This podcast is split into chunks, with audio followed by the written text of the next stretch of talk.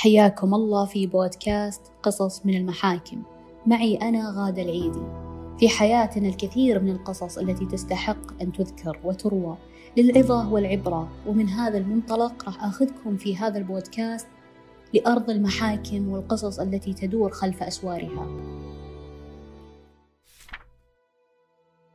وقبل ما أبدأ وأقول لكم قصة القضية أبغى أنوه أنه جميع الأسماء المذكورة في هذه القضية هي أسماء مستعارة لا تمت بالواقع بصلة. خلونا نبدأ القصة سوا. هذا الله يسلمكم أم عبد الله. أم وزوجة.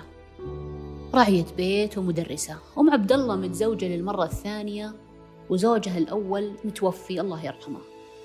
لكن أنجبت منه ولد اسمه عبد الرحمن. وبعد وفاة زوجها تزوجت رجل آخر اسمه مساعد. وأنجبت منه ولد وسمته عبد الله مساعد زوج عبد الله معروف عنه أنه مدخن وشديد الغضب وراعي سهر وما يقعد في وظيفة واحدة ويستقر. يعني إنسان مشكلجي وعصبي.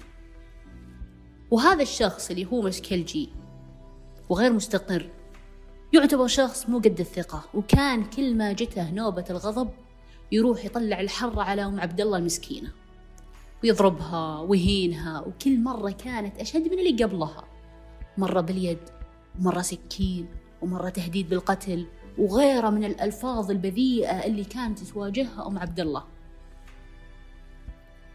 يوم بعد يوم أم عبد الله صارت تخاف على عمرها وقالت هالرجال هذا ما هو بقد الثقة وأنا صراحة ما أأمن على نفسي معه.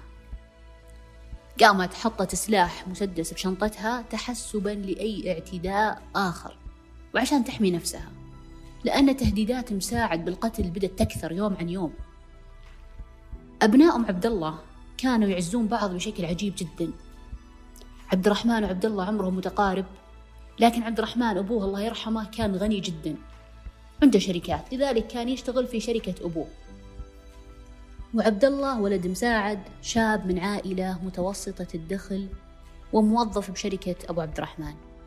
راتبهم كان جدا ممتاز وأخلاقهم عالية وما يتركون فرض هذول الاثنين معروفين إنهم بالحارة ما يفارقون بعض.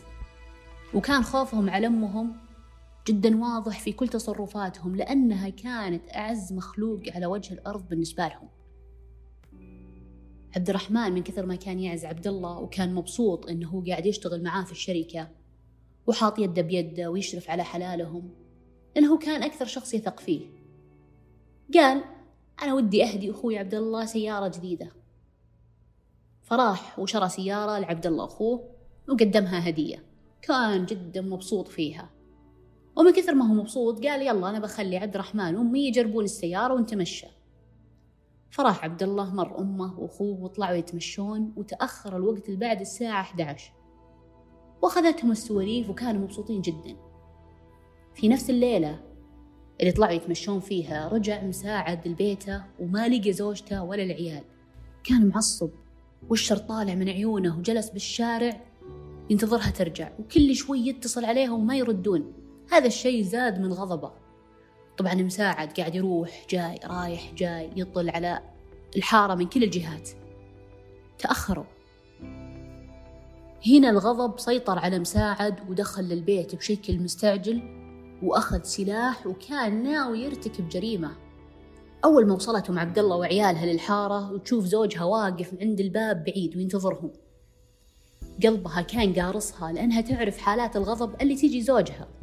وكيف ممكن هذه الحالات توصله للجنون لدرجة أنه هو يرتكب جريمة. يوم قربت السيارة للبيت وقررت أم عبد الله تنزل ويدها على شنطتها. الشنطة كان جواتها المسدس اللي حطته أم عبد الله عشان تحمي نفسها.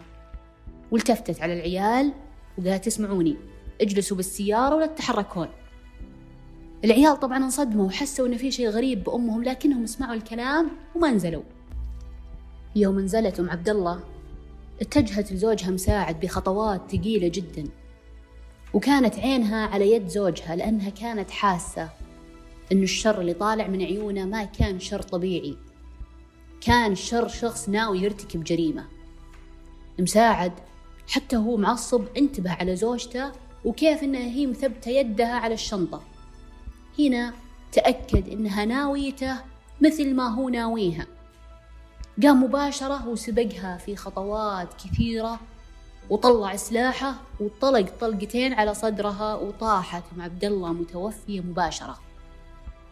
هذه الطلقات تسببت بوفاة أم عبد الله حسب تقرير الطب الشرعي. لأن الطلقات جت مباشرة كذا بنص صدرها وطاحت مباشرة على طول. كل هذا صار قدام عيالها. تحولت ليلة شراء السيارة لليلة أشد من الكابوس في حياة الاثنين عبد الله وعبد الرحمن. بعد أيام قرروا يطالبون بالقصاص من قاتل أمهم اللي هو زوجها مساعد لكن المحكمة لم تقبل به وقالت هذا الطلب مرفوض لأن بين الزوجين ولد. ونص قول الفقهاء على أنه إذا كان بين الزوجين ولد أي جنس ذكر أو أنثى. لم يوجب القصاص لكون الولد قد ورث القصاص. أما إذا قتلها وما بينهم أبناء فإنه يقتص منه أخذا بعموم النصوص الدالة على القصاص من القاتل. في مثل هذه المسائل والقضايا اللي تكون حولها خلاف فقهي الموضوع يرجع للمحاكم لرفع الخلاف. والقول بعدم القصاص لا يعني عدم تحريم وتجريم الفعل. وسقوط حق المقتول لأن للمقتول حق.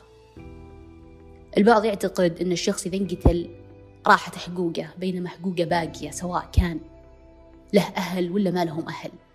العبرة من هالقضية وهذه القصة إنه الأشخاص اللي إحنا نعيش معاهم أحيانا نوبات الغضب تزيد يوم عن يوم. هنا لازم نبدأ نعالج المشكلة ونسيطر على الغضب ونعرف مصدره. لأن الغضب إذا زاد عند الإنسان تحول لشرارة شر ويزيد هذه الشرارة الشيطان وتتحول لجريمة. وكثير من القضايا كان سببها نشوء غضب بسيط كان يتراكم يوم بعد يوم.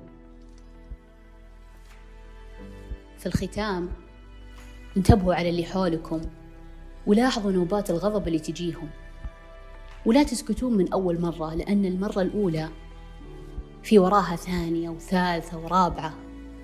الحمد لله على قوة القانون وعدالة القضاء.